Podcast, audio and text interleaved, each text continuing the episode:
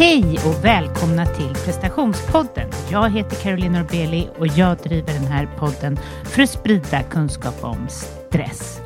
Jag gör också det här för att jag vill ta reda på hur presterar man och mår bra och hur lever man i den här världen och mår bra. Prestationspodden har ett nyhetsbrev och eh, vill du ha mina gästers bästa tips till din mail så gå in på carolinnorbeli.com och signa upp. Ja, jag har mina veckor kantas av teknikproblem.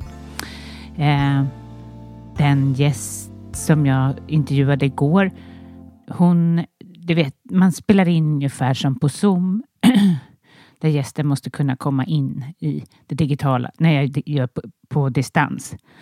Nej, men hon kunde inte ens komma in. Det var någonting som stod emot. och det har varit lite sådana där teknikbekymmer. Så igår så var jag där på Yogamana och ropade ut i tystnaden. Men nu får det faktiskt vara nog. Jag ger mig. Jag slutar med den här himla podden, skrek jag. Eh, men då var det lite lustigt.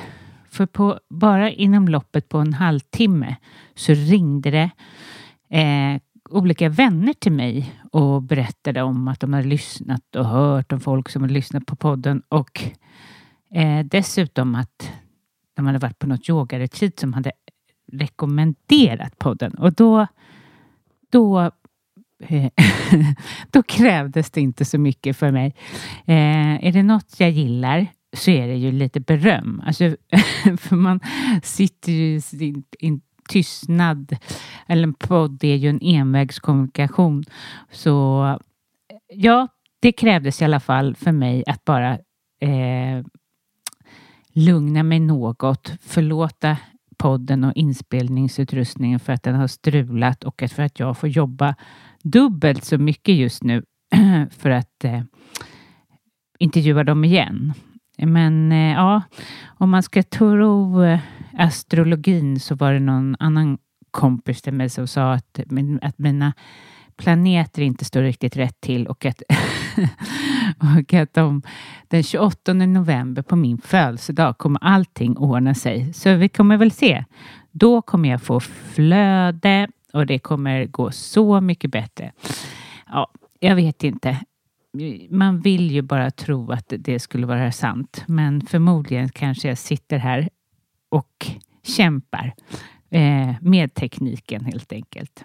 Jag tänker att det här, den här podden är en podd om, såklart om stress, men också om prestation. Och eh, många klienter som jag får har problem med just Alltså att varva ner efter prestation. Att våga vila i vilan.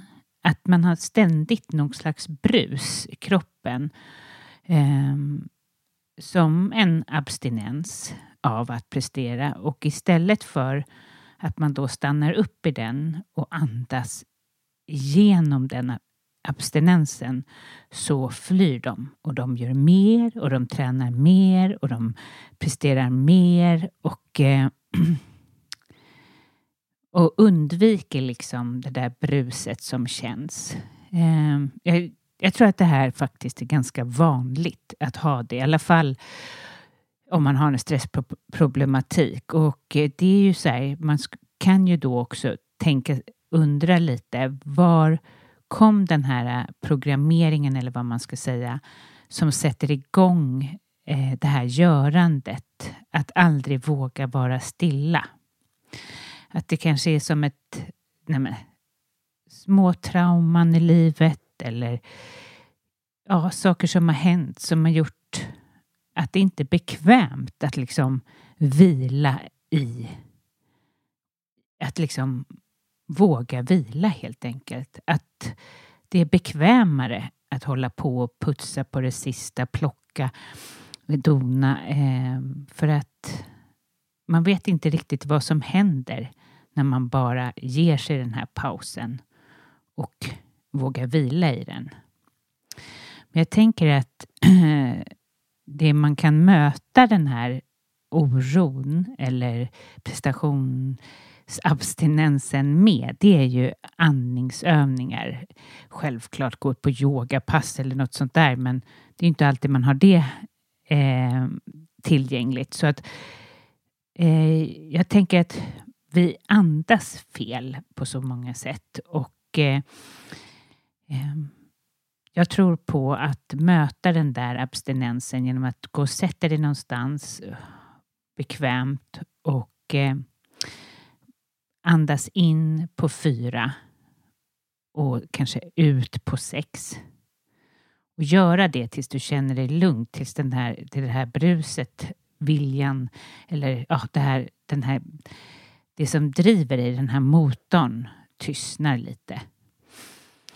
Ja, jag, jag har ju pratat kanske eh, en del nu på senare om, eh, om just andning. Jag, andningen, alltså jag är övertygad om att lärde vi oss andas bättre så skulle vi ju inte ha eh, lika många psykiskt sjuka. Vi skulle inte ha lika mycket utmattningar.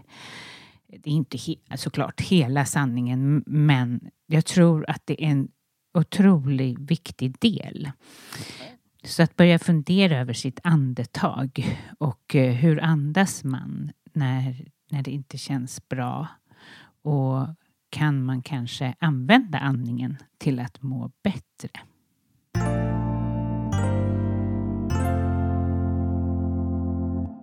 Jag har några platser kvar i min coaching. Är det så att du vill bli coachad av mig så ska du gå in på carolinorbeli.com och lämna en eh, intresseanmälan så hör jag av mig så ses vi 30 minuter så kan du avgöra om jag är rätt coach för dig.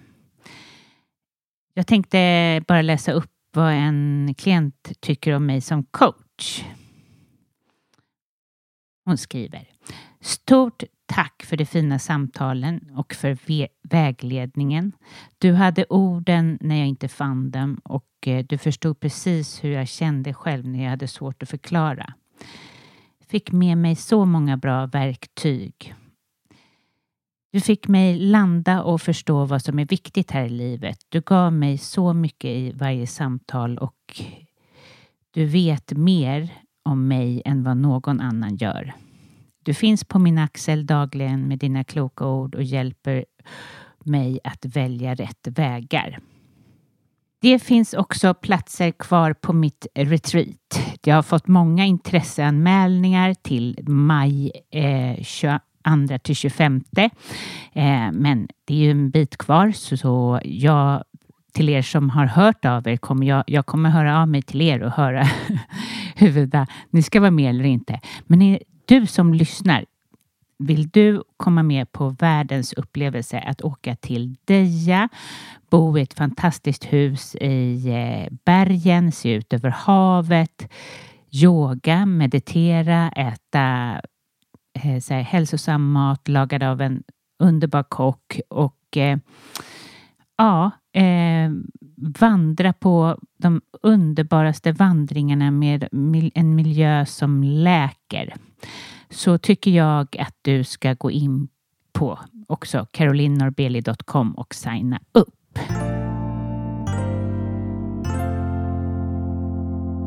Till det här avsnittet har jag träffat en fantastisk person, Jill Westny. Det här är ett, eh, ett utmattnings... Ett, ett avsnitt där eh, vi kommer prata kring hennes utmattning. Hon har jobbat eh, på skyddat boende för kvinnor och varit en otroligt hjälte och en del av det ledde till hennes utmattning. Lyssna till Jill Westny.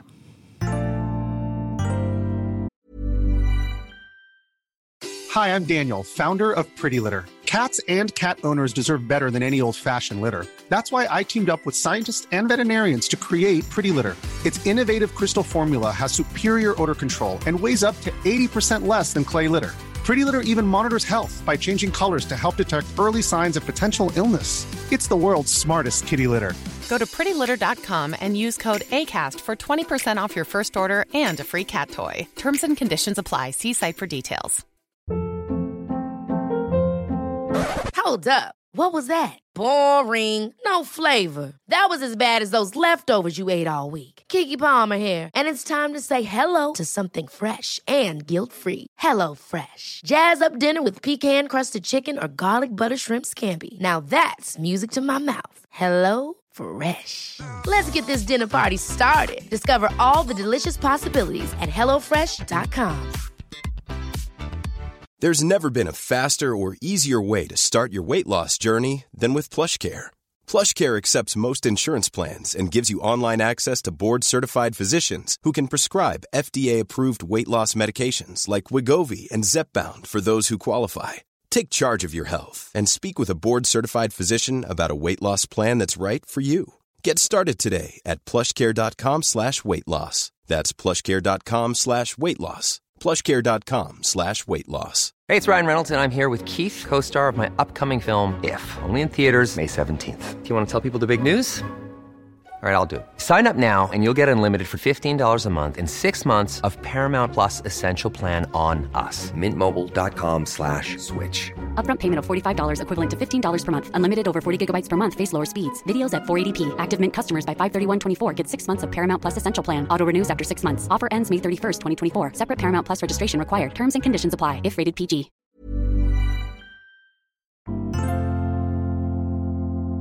Hej och välkommen till prestationspodden Jill. Hej Caroline, tack så mycket.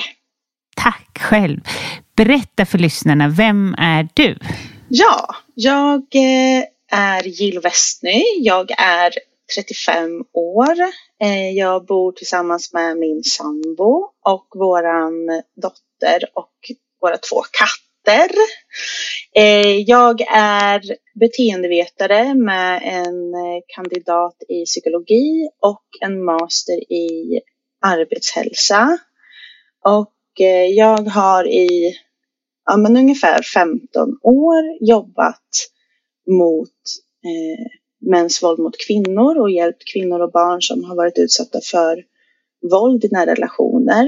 Eh, och till slut så blev jag utmattad. Precis och eh, vilket otroligt för det första viktigt jobb du hade. Kan man ju, vilken hjälte du har varit. Mm. Alltså ta hand om de här kvinnorna som, ja. Eh, men vad är, det är ju minst sagt ett kontaktyrke när man jobbar med eh, människor på det sättet som du gjorde. Mm.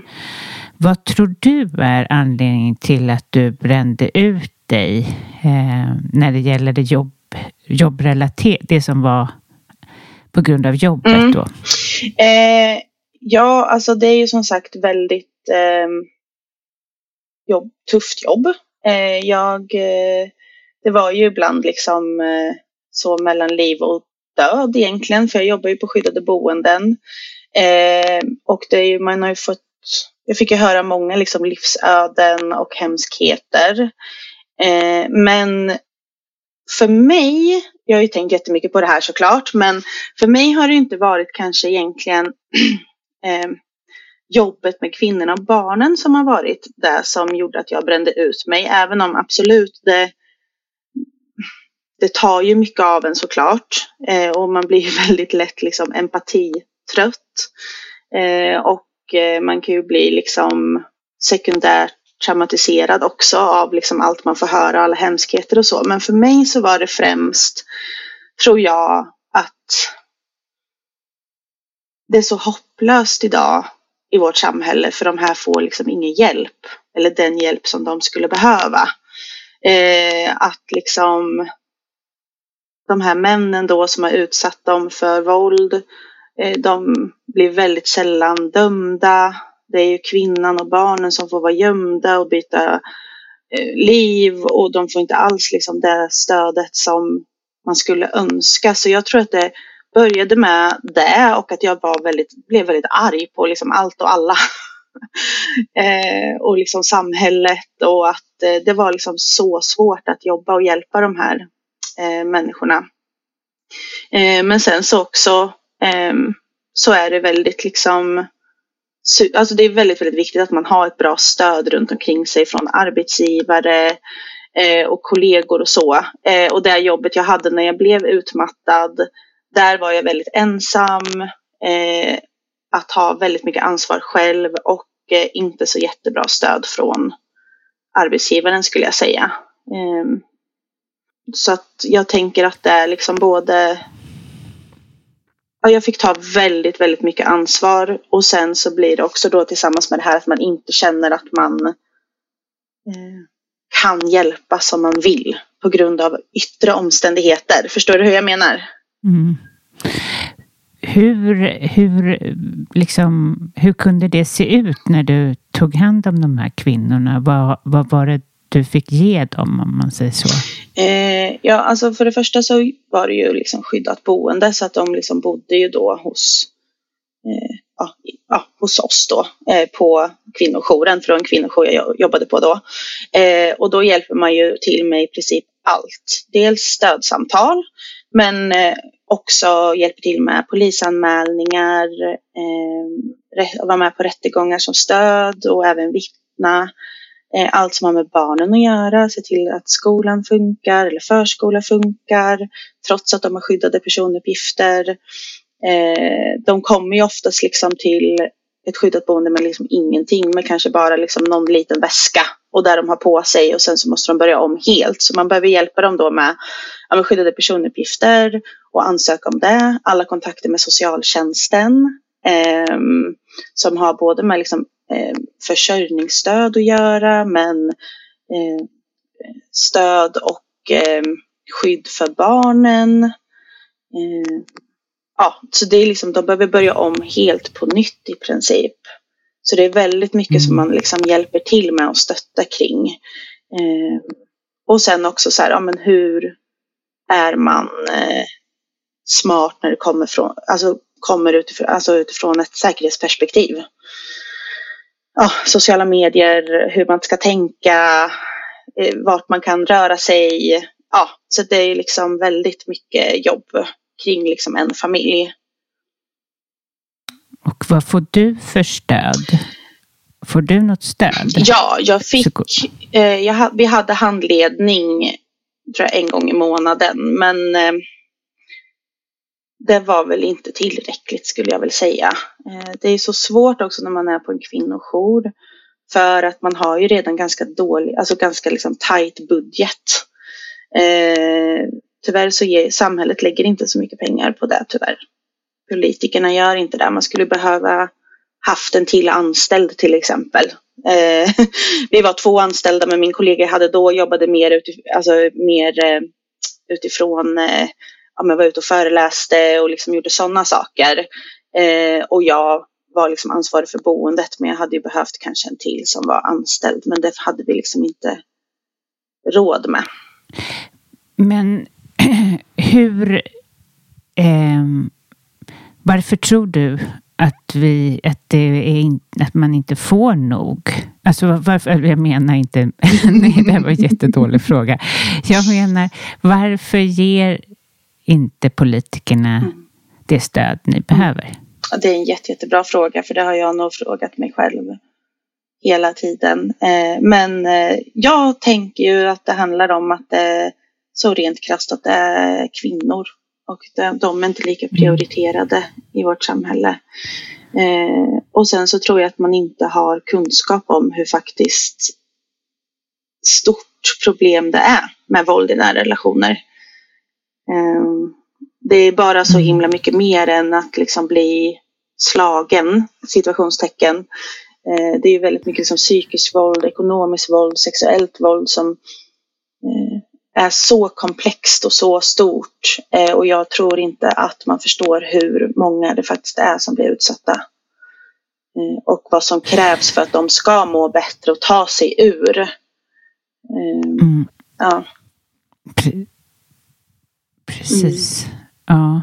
Nej, nej det, jag har ingen aning om det själv direkt. Alltså det är ju inte hela tiden på nyheterna. Nej. Det är ju väldigt eh, i skymundan. Så, så att man förstår ju inte hur, hur allvarligt det här är. Nej, exakt. Uh, nej. Mm. Och det, blir, det handlar ju inte bara om att liksom så lägga pengar till ja, kvinnojourer eller organisationer som jobbar med det, utan det handlar ju också om att lägga in resurser ordentligt när det kommer till ja, socialtjänsten, polisen. Vi vet ju liksom hur de går ju på knäna, både polisen och socialtjänsten mm. idag. Liksom. Men även när det kommer till eh, ja, med lagar, eh, domstolar, att man behöver ha mer liksom, kunskap kring det. Mm. Mm. mm. Eh, precis. Eh, kunde det också vara så här, det här är lite off topic från prestationspodden, ja. men att, eh, att det kunde vara så att det, förövaren blir mer skyddad på något sätt eller att dens behov sätts väldigt mycket mer i fokus än den som har blivit utsatt. Eller jag mm. Känner nämligen en som har blivit utsatt mm. och det är väldigt mycket så här han behöver få träffa dig nu. Eh, mm. Upplevde du det så? Ja, alltså indirekt så skulle jag väl säga att, eh, att det blir så för att mannen blir ju indirekt skyddad, nu är det oftast män, men eh, ja, blir ju indirekt mm. skyddade i och med att de inte blir eh, anmälda. De behöver inte, de blir, eller anmälda kan de bli, men det behöver inte leda till åtal. Det är väldigt sällan det blir det. Eh, och man som eh, i Sverige idag till exempel, om man kollar då kring barnen så ser man ju föräldrarnas rätt till barnen och inte tvärtom. Att även om du är förövare så har du rätt att träffa dina barn fast de inte vill. Eh, och det är jättesvårt för de här mammorna att få ensam vårdnad till exempel. Fast de skulle behöva det. Och jag menar mannen kan ju alltid mm. bo kvar själv i deras gemensamma hem. Det är alltid mamma, alltså kvinnan och barnen som behöver flytta på sig eh, och behöver skyddas. För det finns ingenting i vårt samhälle eftersom att de så sällan blir frihetsberövade så har det ju blivit så att det är kvinnan och barnen som måste skyddas och ändra hela sitt liv och liksom så. Eh, mm. Och sen har man ju börjat nu väldigt mycket att liksom att man ska hjälpa de här männen så de ska sluta slå och sluta vara våldsamma. Eh, och det Ja, det, det, jag har inte än så länge sett att det har funkat. Jag som har varit i den branschen väldigt länge så är det inte, liksom inte, även om jag vet att många tror det, så tyvärr så är det ju liksom ganska, de är ju inte sjuka de här männen, utan det finns ju alla samhällsklasser, det finns i alla olika relationer, det finns liksom i, det spelar ingen roll liksom vart man bor i landet, Eh, det är inte så att de här männen är sjuka eller har alkoholproblem. Det är liksom en myt. Tyvärr. Mm. Mm. Det handlar om makt och kontroll. Mm. Och bara att höra om det här nu så förstår ju jag att det här var en stor del av din utmattning. Ja. Att liksom leva med den här orättvisan. Mm. Det skulle ju leda... Det är ju många som eh, leds in... Alltså, att, att, inte bli, att få se något som inte fungerar som är så viktigt, tänker jag. Ja. ja, för man skulle ju verkligen kunna göra jättemycket. Men så fastnar man hela mm. tiden mm. i det ekonomiska liksom. Eh, och också hur samhället är uppbyggt och att vi inte har några direkta lagar som eh, kan låsa in dem under lång tid, så att säga. Mm. Nej men och sen också just för att komma tillbaka då till liksom just eh, prestationspodden och min utmattning så ser jag ju också att även om eh, jag älskade mitt jobb så var det ju ingen bra kombination med att jag var liksom en sån här, hade presta- var väldigt så här, eh, vad säger man, prestationsbaserad. mm. eh, och att jag liksom alltid har varit en så duktig flicka Eh, så att jag kämpade ju på väldigt mycket hela tiden och skulle göra liksom såklart det bästa jag kunde för de här människorna. Men sen så då gick det inte, då blir det ju kontraproduktivt liksom. Mm. Ja. Vad hade du då för behov som inte du tillfredsställde? Eh, nej men alltså för mig så var det ju väldigt mycket det här eh, att jag var väldigt mycket så att mina prestationer var liksom lika med mitt värde. Eh, och när jag eh, så att jag har, och jag har alltid varit så och alltid varit den här duktiga flickan så jag, och alltid då tagit hand om alla andra. Eh, så att för mig var det ju mycket det här att liksom lä, få lära, lära mig att ta, sätta mig själv först. Och att det är okej okay att liksom göra det. Eh, och att eh, jag fick börja träna på att mina prestationer, allt, allt ska inte vara på ett speciellt sätt hela tiden. Det behöver inte vara på ett speciellt sätt. Det behöver inte vara perfekt. Eh, och jag behöver inte heller göra allting helt själv. Så jag var tvungen att liksom be mer om hjälp. Eh, Ja, och inte liksom ta ansvar för andras liksom, eh, mående och liv. Mm. Och det här grundade sig i vad jag förstår, eller vad jag vet att du och jag pratade om tidigare, eh, att du tog ganska mycket ansvar över din mamma. Ja, men precis. Eh, jag, eh, mina föräldrar skilde sig ju när jag var typ två. Så att jag ganska snabbt som Eh, skilsmässobarn fick ju ta väldigt mycket ansvar. Jag vet inte om det är vanligt, men jag tror det. Och de jag känner som också har föräldrar som är skilda, det blir lätt att man tar väldigt mycket liksom, ansvar. Men sen som du säger, min, min eh, mamma var ju i perioder väldigt dålig. Eh, hon var själv utmattad, även om man inte förstod det då tror jag. För det här är ju på 90-talet så man kanske inte hade jättemycket koll. Man var själv utmattad och i perioder liksom deprimerad och så. Eh, och ja, så att jag fick ta mycket ansvar helt enkelt och fick liksom eh, hjälpa till mycket såklart och blev liksom, fick bli vuxen väldigt tidigt. Eh, mm. Och uh, hos pappa så var det väl lite tough love liksom. Där också att Eh, jag eh, ganska snabbt fick växa upp och jag, det här med känslor höll vi inte på med. Så att jag lärde mig snabbt att trycka undan känslor. Det har varit min superkraft verkligen under hela mitt liv att trycka undan allting. Tills det liksom inte gick mer när jag gick in i väggen då. Ehm. Mm. Hur var det då för dig att känna alla de här känslorna när du inte tryckte undan dem? Eh, ja, det var väldigt svårt. Var det. Eh, jag var ju liksom inte van med det, att, eh, att känna. Men å andra sidan så fick jag ju också när jag väl liksom började möta de känslorna och jobba med dem tillsammans med, och jag hade ju liksom hjälp då, jag hade ju psykolog och läkare och sådär, eh, så började jag ju inse att mina symptom, kroppsliga fysiska symptom som jag har haft väldigt många år, eh, var mycket på grund av att jag tryck, tryck undan allting helt enkelt. Och sen så bara brast det. Vad, vad, vad, vad, var det för symptom? Ja, alltså dels har jag haft problem med huvudvärk sedan jag var kanske tio. eh, och migrän och spänningshuvudvärk. Eh, och jag blev, fick aldrig någon direkt hjälp av vården. Man tog det liksom inte seriöst riktigt. Eh, och nu äntligen har jag ju börjat eh, få hjälp verkligen, alltså ordentligt bra hjälp för just migrän och huvudvärk.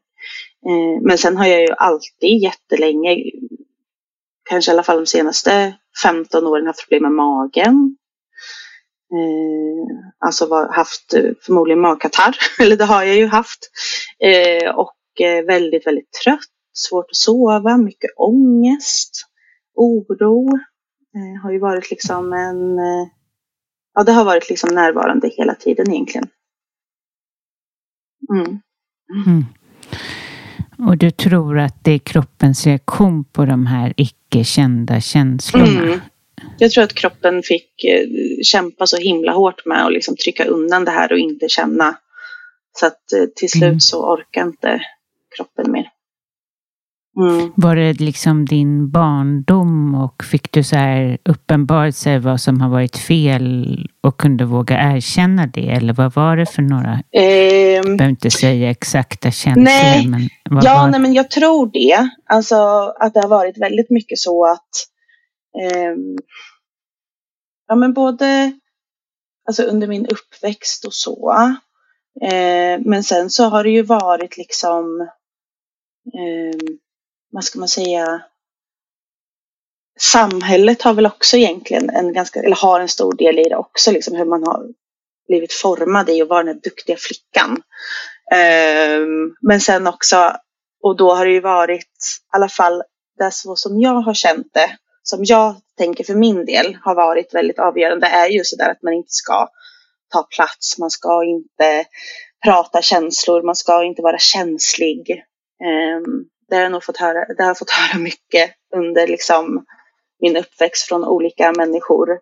Uh, att inte vara för känslig och inte prata känslor. Och det löser sig liksom. Det blir bra. Uh, och på det sättet så liksom trycker jag undan jättemycket. Det var som att du då inte fick visa dina behov mm. när du var liten. Mm, precis. Ja. Eller visa och, och, och, ta hand om. Och, ja, de var inte så viktiga, Nej. låter Nej, det som. Precis.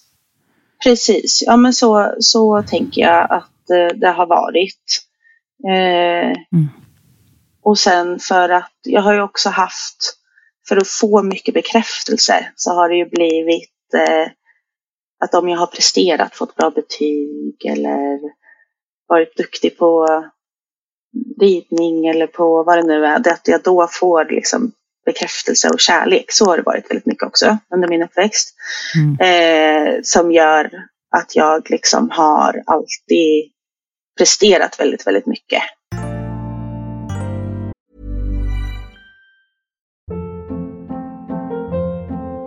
Hold up. What was that? Boring. No flavor. That was as bad as those leftovers you ate all week. Kiki Palmer here, and it's time to say hello to something fresh and guilt-free. Hello Fresh. Jazz up dinner with pecan-crusted chicken or garlic butter shrimp scampi. Now that's music to my mouth. Hello Fresh. Let's get this dinner party started. Discover all the delicious possibilities at hellofresh.com. Life is full of awesome what ifs, and some not so much, like unexpected medical costs. That's why United Healthcare provides Health Protector Guard fixed indemnity insurance plans to supplement your primary plan and help manage out of pocket costs. Learn more at uh1.com. Quality sleep is essential. That's why the Sleep Number Smart Bed is designed for your ever evolving sleep needs. Need a bed that's firmer or softer on either side? Helps you sleep at a comfortable temperature? Sleep Number smart beds let you individualize your comfort so you sleep better together. JD Power ranks Sleep Number number 1 in customer satisfaction with mattresses purchased in-store. And now, save 50% on the Sleep Number limited edition smart bed for a limited time. For JD Power 2023 award information, visit jdpower.com/awards. Only at a Sleep Number store or sleepnumber.com.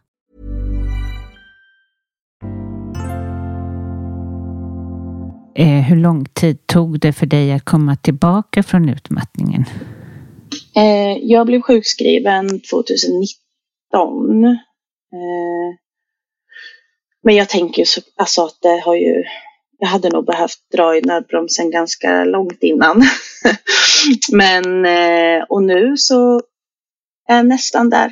Inte riktigt än, men alltså det är fortfarande Eh, eller jag är så här, jag vet inte riktigt, kan man bli frisk från utmattning? Eller så här tänker jag att i början så tänkte jag att jag skulle gå tillbaka till den personen jag var innan. Och då var det att bli mm. frisk. Mm. Men det jag har försökt, när jag försökte med det, gå tillbaka, då blev jag ju dålig igen. Så det var ju tvungen att liksom inse att jag måste liksom ändra på väldigt mycket.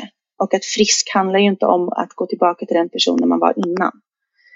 Eh, Nej, precis. Så att, ja, det är väl liksom det som, det är klart jag är fort, fortfarande så stresskänslig och så. Samtidigt som att jag kan känna så här, okej, okay, men jag kanske inte ska klara av så mycket stress som jag gjorde förut. Nej, jag tänker att den här känsliga personen, alltså den, för man blir ju som en känsligare mm. Eh, del, eh, personlighet, liksom mm. så det är väl kanske den som är frisk. Det är kanske den som du en gång var innan du började stänga av. Eh, som dina föräldrar liksom inte riktigt accepterade. Mm. Men att du... Eh, så, så tänker man så här, men gud, jag klarar inte av det här, jag klarar inte av det där. Men det, det kanske egentligen är friskt. Mm. Ja, men precis. För att nu när jag liksom tänker på mig själv hur jag var förut, innan jag blev sjuk, då var jag så här, ja men du vet typ som en jobbannons. Jag eh, kan ha många bollar i luften, jag är stresstålig, jag mm. tycker det är kul att göra massa saker samtidigt. Ja men du vet så här. Eh, och då blev man så här, och det var ju någonting som jag då var väldigt stolt över. För det fick jag jättemycket bekräftelse i, att jag fick liksom de jobben jag sökte och jag var väldigt så, eh, kunde ha många bollar i luften. Jag jobbade hela, hela, hela tiden. Utan att liksom jag var en väldigt bra arbetstagare. Alltså jag gjorde liksom verkligen det jag skulle och lite, lite mer hela, hela tiden. Eh, men som du säger att nu så är det så här, ja men det var kanske inte så bra. Eller det var det ju inte, det vet jag inte varför jag blev ju sjuk. Eh, mm. Precis. Och, men nu när du liksom är kanske ut ur utmattningen, dock lite känslig. Mm.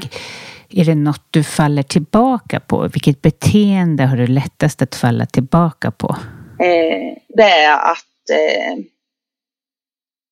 tumma på återhämtning i form av, eh, jag har så himla lätt att liksom eh, gå över och ta hand om alla andra innan jag tar hand om mig själv. Eh, och det har ju varit väldigt mycket återhämtning för mig att liksom ha egen tid och eh, vila och inte ha dåligt samvete för det. Eh, eller känna att man är en mm. dålig mamma för att man har egen tid eller eh, yoga och köra mindfulness och så. Att det blir, alltså det blir så här, när, när jag har det stressigt och har mycket att göra, då är det det första som jag ser att jag plockar bort. Att jag liksom inte har tid för de här bitarna. Så det, det är där jag liksom går tillbaka. Ja. Mm. Det är den här otroliga ovanan mm. från när man var liten att finnas där för sig Exakt. själv. Att sätta sig själv i första mm. rummet. Det är, så, den, det är liksom svårt mm. att öva in den så den sitter helt till fullo. Mm. Utan whips så sker något och man vill lämna sig mm. själv. Ja, verkligen. på, ja. ja det, och så bara, men vad gör jag? Och det är, jag tror att ja, men små, som små döttrar som vi alla var, liksom, till föräldrar och säkert pojkar också, men så har man fått eh, sätta dem kanske i första mm. rummet och då sätter man ju alla andra man möter i första mm. rummet instinktivt. Precis. Precis. Ja, ja, det är ju det. Man är ju liksom helt programmerad typ. att vara så. Så det ja, är jättesvårt att eh, programmera om det. Mm. Ja. ja. Och det, det tror jag man kommer ha svårt med nästan alltid. Alltså, mm. Men att vara medveten är ju en helt annan sak. Precis. Att man är medveten ja. att liksom... Ja, exakt. För att mm. eh, ja, det är så intressant att du säger det här med att vara medveten. För att det var ju, alltså jag var ju så förnekelse när jag blev sjuk. Eh, mm. Min läkare typ sa till mig så här, nu måste du sjukskriva dig. Och jag var så här, ah, jag ska bara gå på den här konferensen om några månader. Och de, hon bara, nej, nu. Liksom. Mm. Så att, eh, det är ju första steget verkligen, att bli medveten. Eh, för när jag väl släppte taget där och öppnade upp för det och gick hem och var sjukskriven så slutade det med att jag var sjukskriven ett halvår på heltid fast jag hade tänkt typ någon vecka bara. Då kom mm. allt. Har Försäkringskassan varit med dig på din resa eller är de krångliga? Eh, från början var de väldigt krångliga. Eh, mm. Det var jätte, jättejobbigt. Eh, och där hade jag bara sån tur att min läkare var så bra för att hon i princip ringde min handläggare och skällde ut honom. Och eh, sa till honom så här, nu säger du till mig exakt vad jag ska skriva för du ska godkänna det här för hon måste vara sjukskriven. Och då gick det. Men det var, men ja, men så jag hade bara jättetur att jag fick så bra hjälp av min läkare som mm. faktiskt gjorde det. Jag vet att det är skitsvårt för många idag. Mm. Både med att få rätt läkare och sen också få att Försäkringskassan är med på det. Det är ju en extrem stress som Försäkringskassan utsätter ja de utmattade och alla mm. som har någon psykisk sjukdom eller ja, så. Så ska man känna sig jagad och det är klart att det inte är Försäkringskassan som... Alltså, det det är bara återigen det här med pengar. Mm. Men det är ändå ganska, när folk är utmattade av stress och sen ska, mm.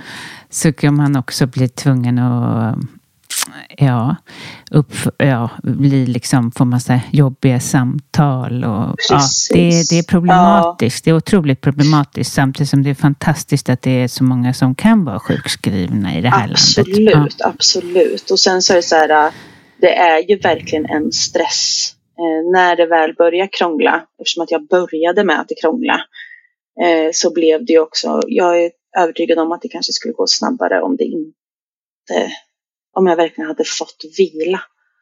Eh, min mamma brukar alltid säga så här, man måste vara frisk för att orka vara sjuk. Och så är det verkligen. Det är ju ett heltidsjobb typ med Försäkringskassan och möten och papper och allt som man ska göra liksom. Kontakter och så. Mm. Och det är det minsta man behöver när man är liksom sjukskriven för stress.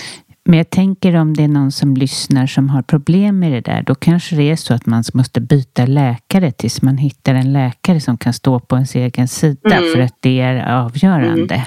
Mm. Mm. Ja, så var det verkligen för mig.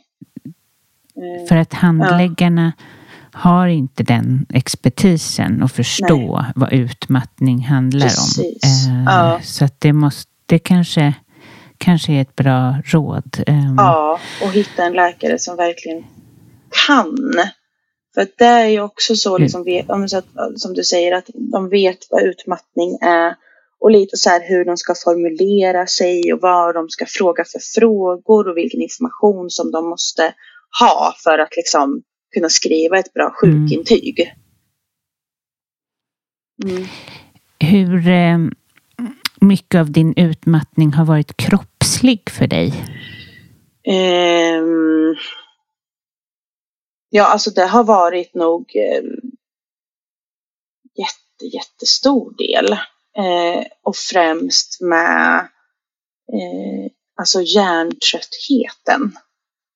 Eh, att vara liksom helt slut på energi. Eh, både egentligen både kroppsligt, mentalt, eh, socialt liksom.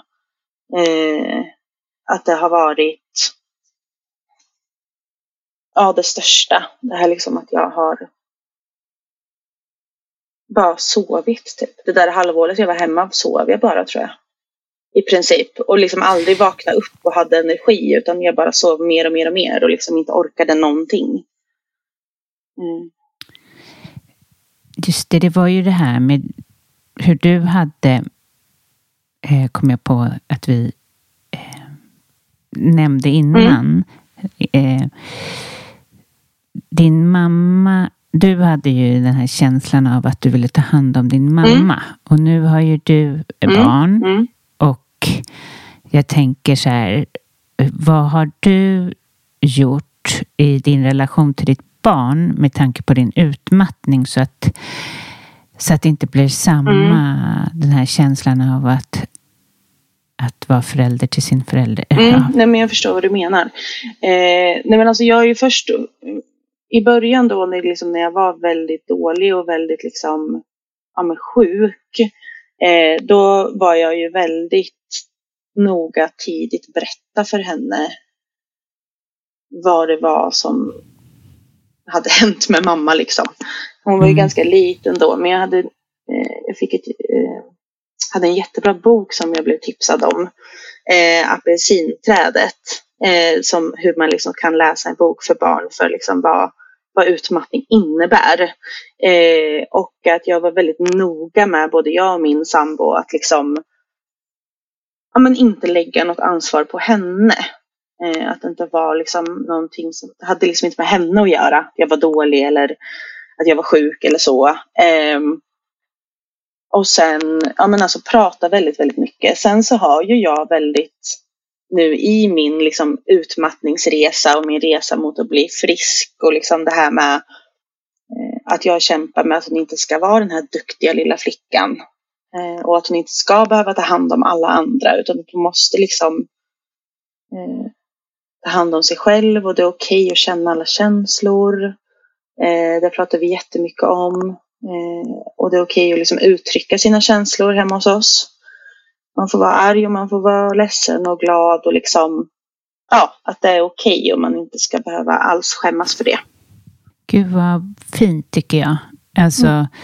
att vår generation faktiskt är väldigt kloka på det mm. sättet att eh, inte då i alla fall, men i många fall, att eh, vi lär oss av det som skedde oss. Och sen kanske vi i och för sig gör massa andra fel. Säkert. Det är ju typ omöjligt att vara förälder. Men, ja, ja nej, men mm. absolut. Och sen också det där liksom att bara ja, men någonting som jag har tänkt på mycket är ju att vi oftast kanske säger till våra barn så här, vad ska du bli när du blir stor? Eh, och då försöker jag tänka att så här, nej, vad ska du jobba med när du blir stor? För vi är inte våra jobb. Nej, det är För bra. det har ju verkligen jag känt eh, att det har ju jag liksom växt upp med, med båda mina föräldrar liksom, som har jobbat väldigt hårt och väldigt mycket och sådär. Att de identifierar sig så mycket med sitt jobb och det har jag ju också gjort. Det var mm. jättesvårt nu, för nu jobbar jag ju inte med det längre. Det har varit svårt för mig, en jättesvår omställning och liksom inte ha sitt jobb på det sättet för att man identifierar sig med sitt jobb så mycket. Vilket också liksom är kopplat till prestation, tänker jag. Um, mm. Ja. Verkligen. Um, precis, vi är inte våra jobb. Precis. Um, men det har man ju. Den programmeringen har man ju för ja. våra föräldrar var ju uppslukade av sina jobb precis. och det är väl vi också i och för ja, sig. Ja, precis. Mm. Ja. Sen också är det väl någonting med att säga vad ska du bli när du blir stor? Alltså de är ju redan ja, någonting. Exakt. Alltså att inte behöva ställa de frågorna. Precis. Ja men precis. Eh. Exakt. Eh, och sen, jag gör det felet flera gånger om dagen. Men jag verkligen kämpar med att inte säga att min dotter är duktig. Mm. Eh, att liksom verkligen mm. försöka säga, gud vad modig du var nu eller vad stark du är som gjorde det här eller eh, ja, jag ser dig eller ja, men du vet inte vara så här, åh vad duktig du var. Alltså, och det kommer automatiskt hela, hela, hela tiden. Alltså, det är jättesvårt. Ja. Mm. Där har vi ett viktigt arbete och ja. man undrar hur det kommer se ut i framtiden med utmattning och så. Vad, ja. vad som kommer. Mm. Ja, och det är ju, jag vet inte om du, det har du säkert läst Försäkringskassan kom ju nu med en rapport för några veckor sedan att det har aldrig ja. varit så här många sjukskrivna för utmattning. Nej, och, ökat med ah, 46 procent ja. sedan 2016. Ja. Eh, och vi, eh, det funderar jag också jättemycket på. Jag vet inte, du har ju säkert eh, pratat med jättemånga kring det här, men alltså just det här att liksom, vad är det för samhälle vi har skapat? Eh, liksom. Ja. ja. där vi bränner ut oss. Så, mm. ja, men det är precis. Mm.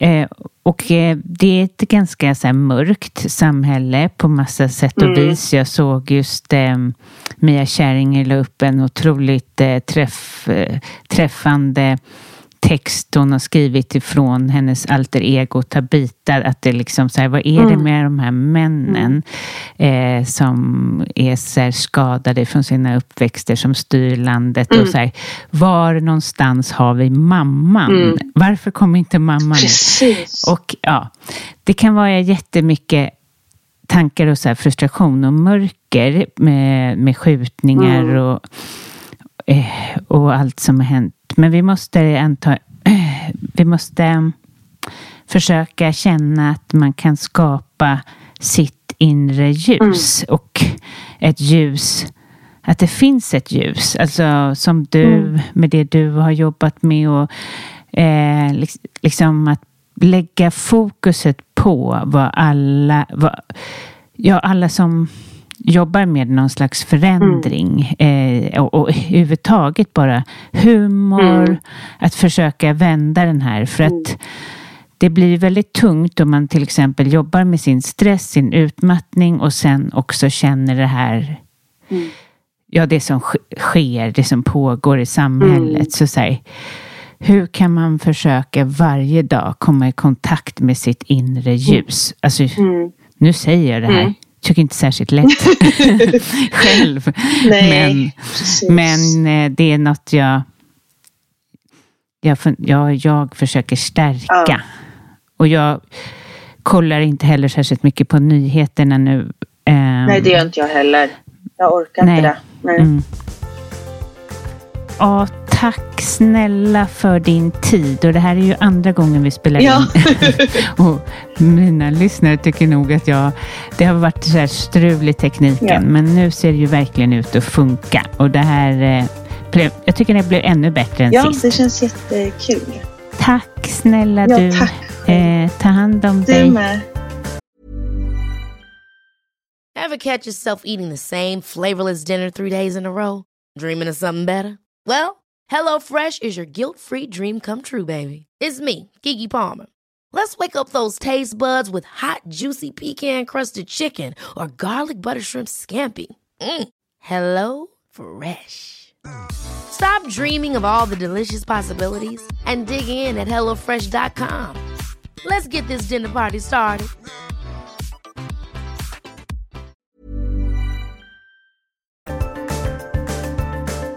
Till dig som lyssnar. Kom ihåg att sprid podden om du gillar podden. Eh, gå in på din eh, app där du lyssnar ifrån och lämna recension eller flera stjärnor. Men framförallt sprid till vänner, bekanta, de som ni tycker skulle höra prestationspodden. Men framförallt ta hand om dig och ha en jättebra vecka.